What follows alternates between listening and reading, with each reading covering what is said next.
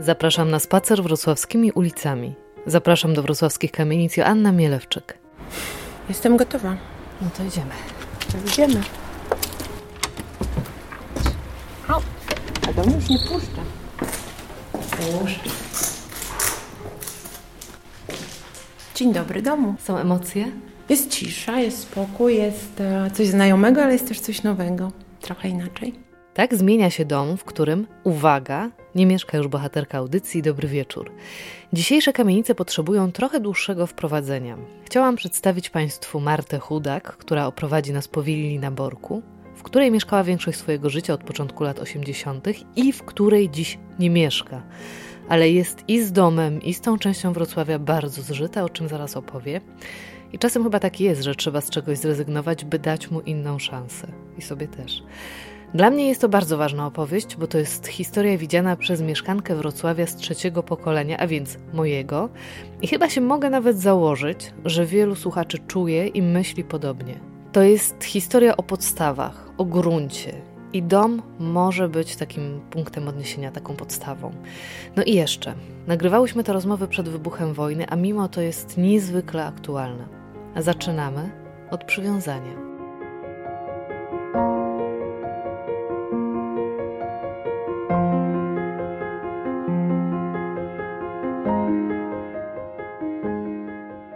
Tak, jesteśmy z tym domem związani. Chyba zawsze będziemy na jakimś poziomie, na poziomie duchowym. Tak. To zawsze był mój dom. Moi rodzice przeprowadzili się tutaj w 1981 roku.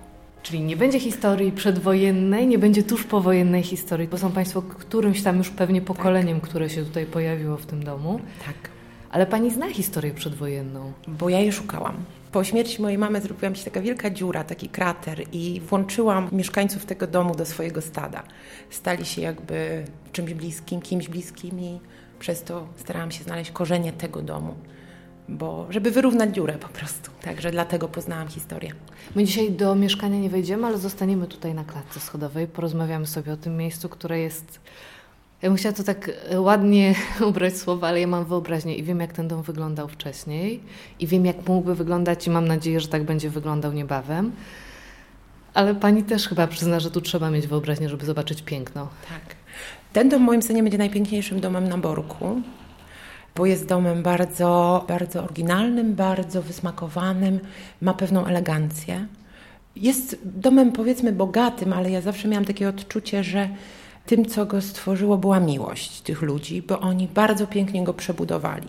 Od oryginalnej formy, która była jeszcze w XIX wieku stworzona, nowi właściciele w 1902 nadali mu zupełnie inną sylwetkę, dobudowując kawałeczek skrzydła i wyciągając go w górę poprzez zmianę kształtu wieży. I to uczyniło go już nie domem, ale wręcz pałacem. Ten dom generalnie był domem jednej rodziny, ja podejrzewam, budowany i robiony dla jednej rodziny. Jest też domem, który był domem rodziny bogatej. Myślę, że to miał być dom wielopokoleniowy, ponieważ jakby rozmieszczenie schodów mogłoby na to wskazywać. Tu były schody, taki ślimak spiralowy. Zostały w czasie wojny zniszczone. Jak pójdziemy na górę, będzie można zobaczyć moment, gdzie one są przebudowane, gdzie to się zmienia. Ale pomieszczenia w dolnych poziomach, czyli w przyziemiu, były to pokoje dla służby, a te już były przeznaczone dla, dla państwa, dla rodziny generalnie, która tutaj mieszkała. To my sobie tak pójdziemy, zajrzymy najpierw tam na dół, dlatego że tam jest rusznikarz, prawda? Tak. I ten dom jest chyba najbardziej z tego znany, że jest ogromna tablica informująca, że tutaj przyjmuje rusznikarz. Tak, jest to zresztą mistrz rusznikarski, osoba w swoim fachu właściwie no, na całą Polskę znana i szanowana. On tu nie mieszka, tylko się pojawia. Tak, tutaj e, pracuje i no właściwie już od wielu lat. No i jesteśmy tak, jakbyśmy teraz odwróciły lekko w lewo przed Pani domem, to, to te emocje, o które pytałam. I wydaje się, że to jest chyba najpiękniejsze mieszkanie tutaj, na tym poziomie, czyli na parterze. Tak uważam. Tak uważam. Moja matka zawsze kochała piękno, więc e, tak. Zresztą e, też e, logika by na to wskazywała, dlatego że zawsze te mieszkania najpiękniejsze znajdowały się na wysokim parterze, a wiadomo, no, schody to już większy wysiłek. To, co było charakterystyczne, ten dom został podzielony po wojnie lub nawet jeszcze w czasie wojny. Z tego, co wiem, jak sprawdzałam w książkach telefonicznych Wrocławia, I już w latach, kiedy y, nasilały się pewne problemy na terenie Niemiec, bo przecież to był terytorium niemieckie, ludzie generalnie trafiali do takich budynków już nawet w czasie wojny. Byli tu na ten teren ewakuowani, bo Wrocławia dość długo nie bombardowano i ten dom wtedy już został podzielony. Ale oryginalny plan był taki, że amfilada, czyli możliwość przejścia przez wszystkie pomieszczenia, wypełniała jakby cały ten poziom. Czyli cały poziom, nie tylko moje mieszkanie, ale też mieszkanie sąsiada, było prawdopodobnie, sądząc z planów, jednością. W takim stanie kupili je moi rodzice, w domu już byli sąsiedzi i właściwie obie te osoby mieszkały od po wojnie. I taki układ już został zachowany. Mieliście coś wspólnego w domu? Myślę, łazienkę, kuchnię? Nie, już nie. To już zostało przeprowadzone przed naszym nastaniem. Czy to było zrobione architektonicznie mądrze? Zapewne nie, ale wiadomo, no, czasy też powojenne sprzyjały takiemu rozbijaniu kamiennic. Co Wam e, z tego mieszkania na parterze przypadło w udziale? Tu jest tak, że mm, ta amfilada oryginalna jest na planie tego mieszkania wciąż widoczna i te drzwi, przed którymi w tej chwili stoimy, te błękitne drzwi, to drzwi prowadzące do długiego korytarza. I po obu stronach rozpoczynają się wejścia do pomieszczeń. Pierwsze pomieszczenie po lewej, czyli pokój z wieżą. Dla mnie to jest pokój mojej babci. Wieża jest oryginalna, oryginalna weranda, okna wychodzące na trzy strony świata w wieży. Prawdopodobnie funkcja oranżeryjna, kwiaty całkiem dobrze odnajdywały się w tym miejscu. Musimy tak. zamknąć chyba drzwi, bo one z nami rozmawiają, tak? tak. Drzwi z nami rozmawiają, to prawda. To chyba tak jest w tych starych domach, że i drzwi rozmawiają, i podłogi, i schody, i nawet jak stoimy tutaj i, i to są kafle, to one też mają swój dźwięk. Tak, mury zawsze mówią. Ja bardzo lubię te kafle. E, zawsze miałam takie skojarzenia z wyznaczaniem czterech kierunków, nie? Przez, przez wzór, jaki, jaki mają, bardzo, bardzo ładny wzór. Gdybyśmy cofnęły się do drzwi, a być może zaraz to zrobimy, to już same drzwi pokazują nam, kim byli ludzie, którzy stworzyli ten dom, ponieważ jest to dom niemieckich Żydów, państwa, którzy ten dom przekształcili w 1902 roku. Alfred i Margarita bodajże Silverfeld. I same zdobienia, winorośl, która wskazuje zawsze na obfitość w terminologii żydowskiej, przynajmniej ja do takich faktów się doszukałam. Sama symbolika drzwi mówi nam, czym ten dom jest i czym ten dom być powinien, jaka jest jego prawdziwa natura. Ale pani mnie wzrusza tym swoim poszukiwaniem i tą energią, którą pani wkłada jeszcze ciągle w ten dom. No, miłość nie mija tak łatwo.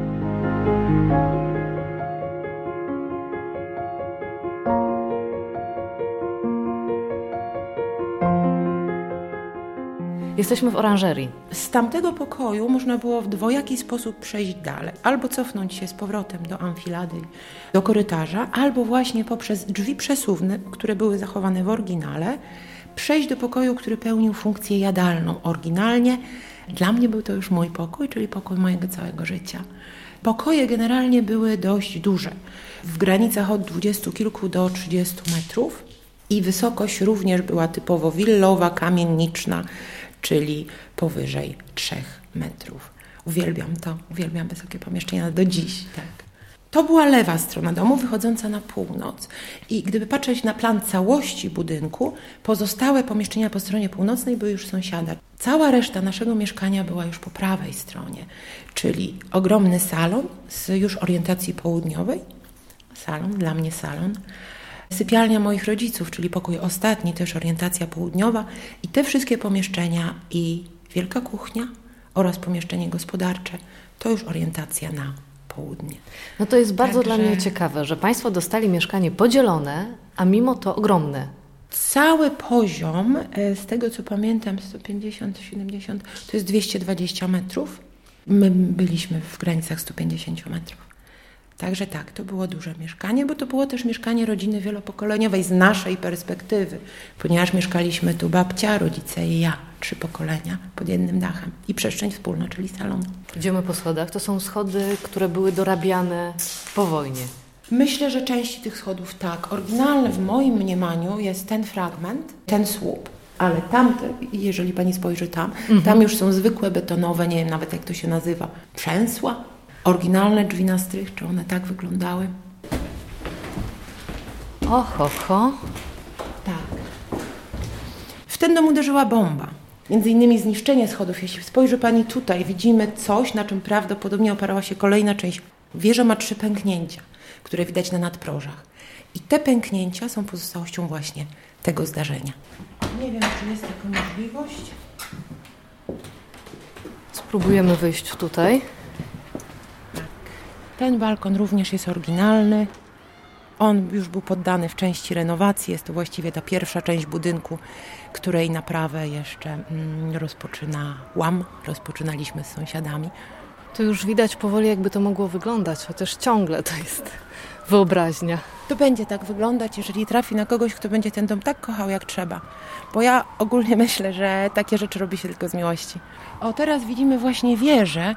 Jak pani może zobaczyć, pani Anno, tutaj te pęknięcia to właśnie ta historia, ale też wieńce, prawda? Czyli zwycięstwo, czyli symbol e, jednak triumfu. Ta wieża miała na sobie jeszcze, mm, tego już nie ma. Ja mam zdjęcia zachowane, chorągiewkę z oryginalną datą. Pamiętam, że ona spadła za naszych czasów, bo niestety w komunizmie ten dom nie miał szczęścia do, do zadbania o niego i z powodu rdzy czy sąsiad zdjął, ja mam takie zdjęcie, jak stoimy jeszcze takie małe dzieciaki po 10 lat właśnie przy tej wieżyczce tak, ona jeszcze wtedy istniała, więc odtworzenie jej również byłoby możliwe. Dużo tutaj dzieci było? Dużo ludzi tu mieszkało? Tu mieszkało pięć rodzin, natomiast e, na podwórku było dużo dzieci. W tym domu była trójka, łącznie ze mną, natomiast e, generalnie ta okolica sprzyjała zabawom, sprzyjała grom, ponieważ było dużo zieleni, podwórek.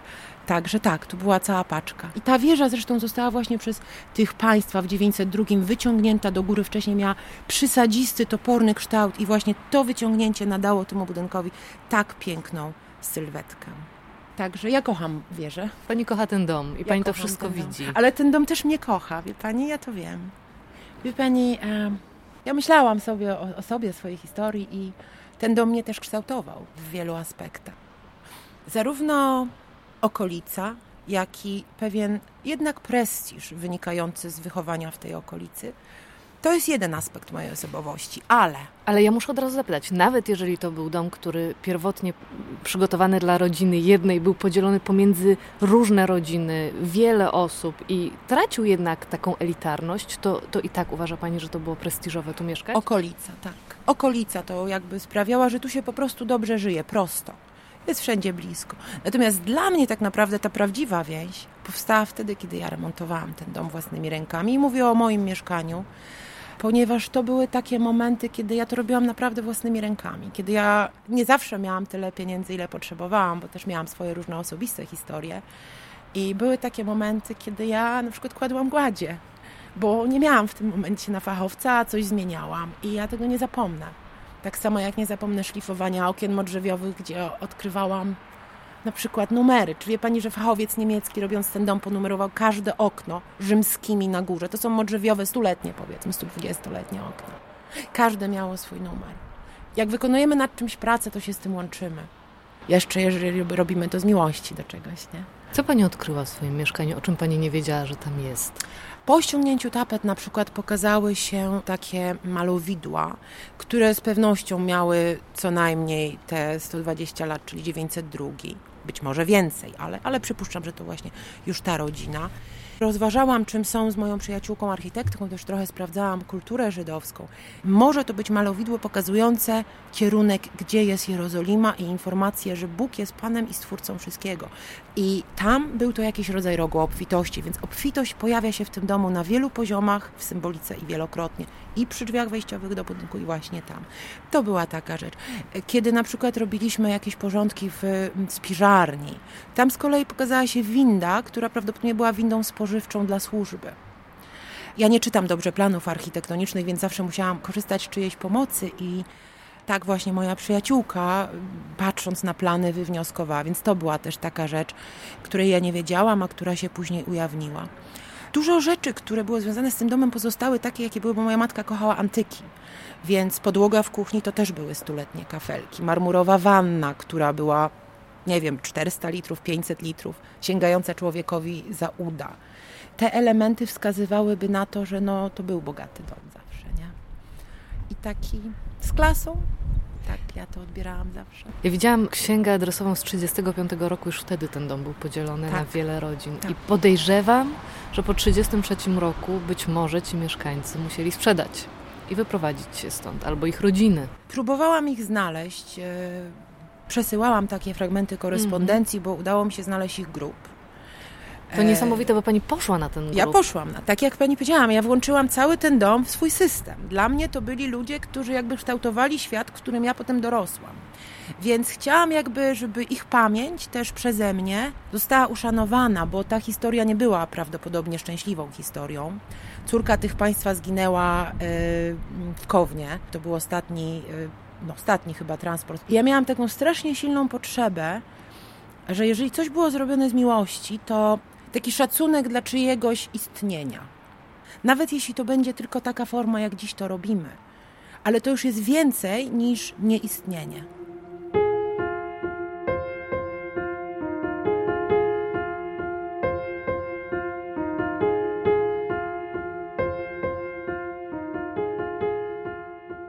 Wchodzimy, prawda? Bo tutaj Wchodzimy, nas trochę tak, ten wiatr trochę pokona.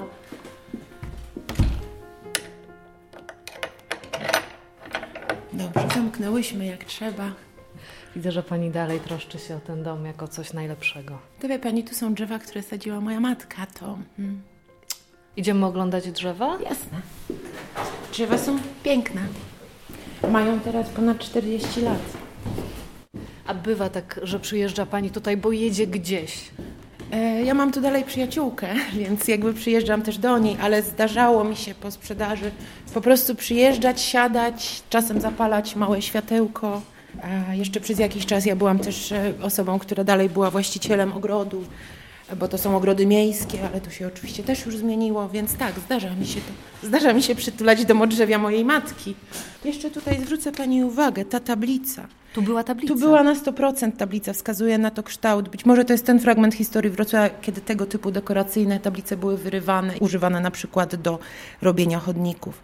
I proszę jeszcze zwrócić uwagę. Ta stolarka, ja bardzo o to walczyłam, bo jakby ja jeszcze to rozpoczynałam. To są oryginalne rzeźbienia, wszystko. To było czyszczone? Tak, to zostało zrobione w ten sposób, że część jest oryginalna, a część jest dorobiona. A szukała Pani skarbów?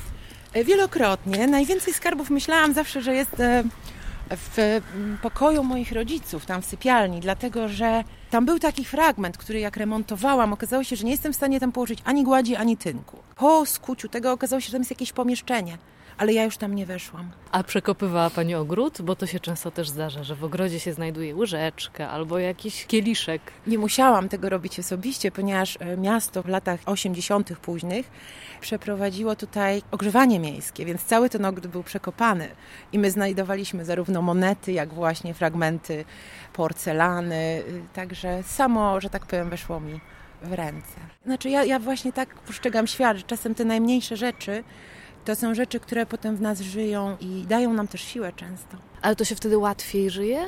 I łatwiej i trudniej.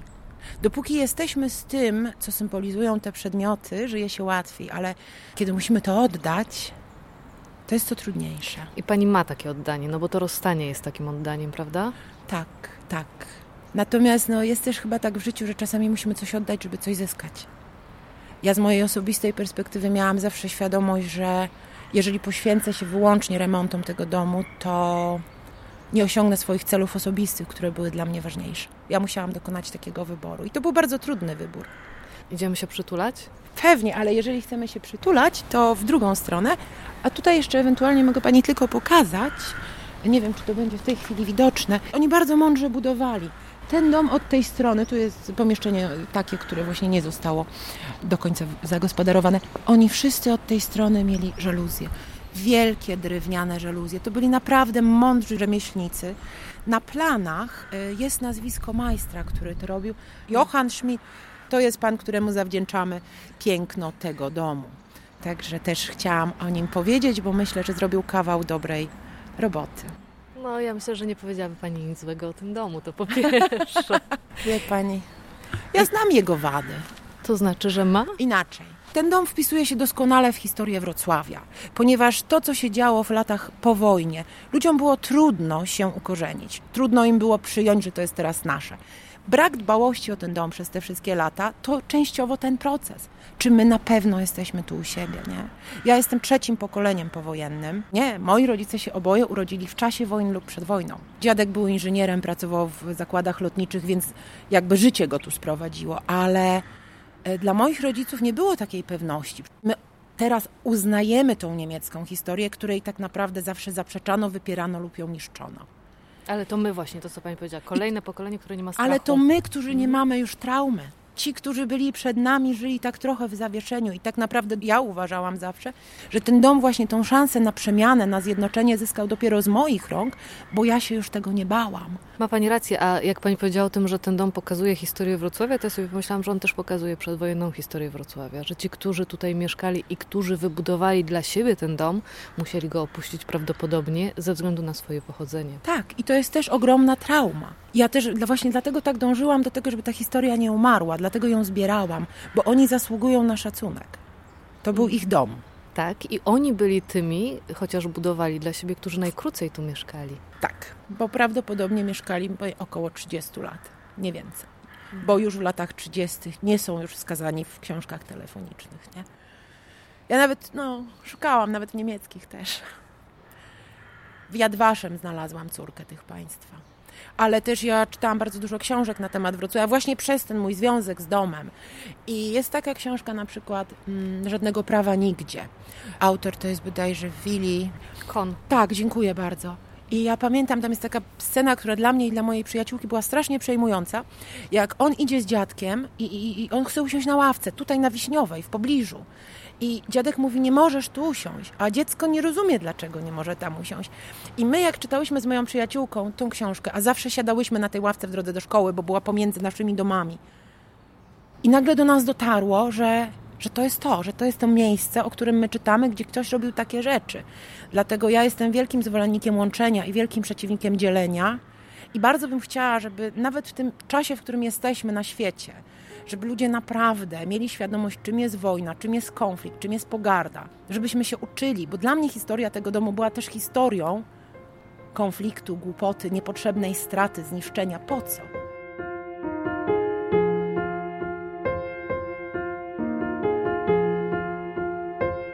Musimy się przytulić na koniec chociaż tej rozmowy. Musimy zakończyć pozytywem. Nie musimy, ale możemy. Możemy, bo mamy jakby ten pozytyw, prawda? To tak. znaczy przyszłość, która mamy nadzieję obie dla tego domu będzie dużo bardziej łaskawa niż te lata. Taki był między innymi jeden z moich celów sprzedaży, wiedząc, że prawdopodobnie nie będę miała możliwości wyprowadzenia tego domu na prostą. Chciałam właścicieli, którzy przejmą ten dom i uczynią z niego znowu coś pięknego i jedność. No to co, idziemy do Modrzewia. Chodźmy do Modrzewia, jesteśmy właściwie w pobliżu. Dla mnie zawsze ten Modrzew to moja matka. Sadzili to razem z tatą wiele lat temu, ale właśnie zawsze w takich słabych momentach przychodzę tutaj i robię tak. Przez wiele lat był dla mnie symbolem mojej matki. I to jest coś, co Pani daje siłę tak na, na tak. tydzień, na miesiąc, na dzień? Świadomość, że on istnieje, daje mi siłę, bo tak naprawdę w, w matkach chyba najważniejsze jest to, jeśli mamy dobrą relację z matką, jeśli byliśmy kiedykolwiek kochani, to możemy stracić budynek, możemy stracić cokolwiek, ale ten kapitał miłości, jego się nie da. Nie da się nikomu zabrać.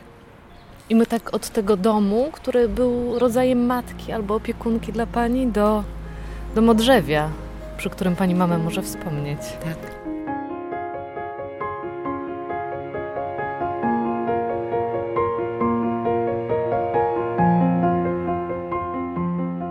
Zdjęcia domu przylipowej są i na wrocławskiej stronie Radia Ram, i na stronie facebookowej. Ta facebookowa, przypomnę, to jest strona, która nazywa się zwyczajnie Kamienice.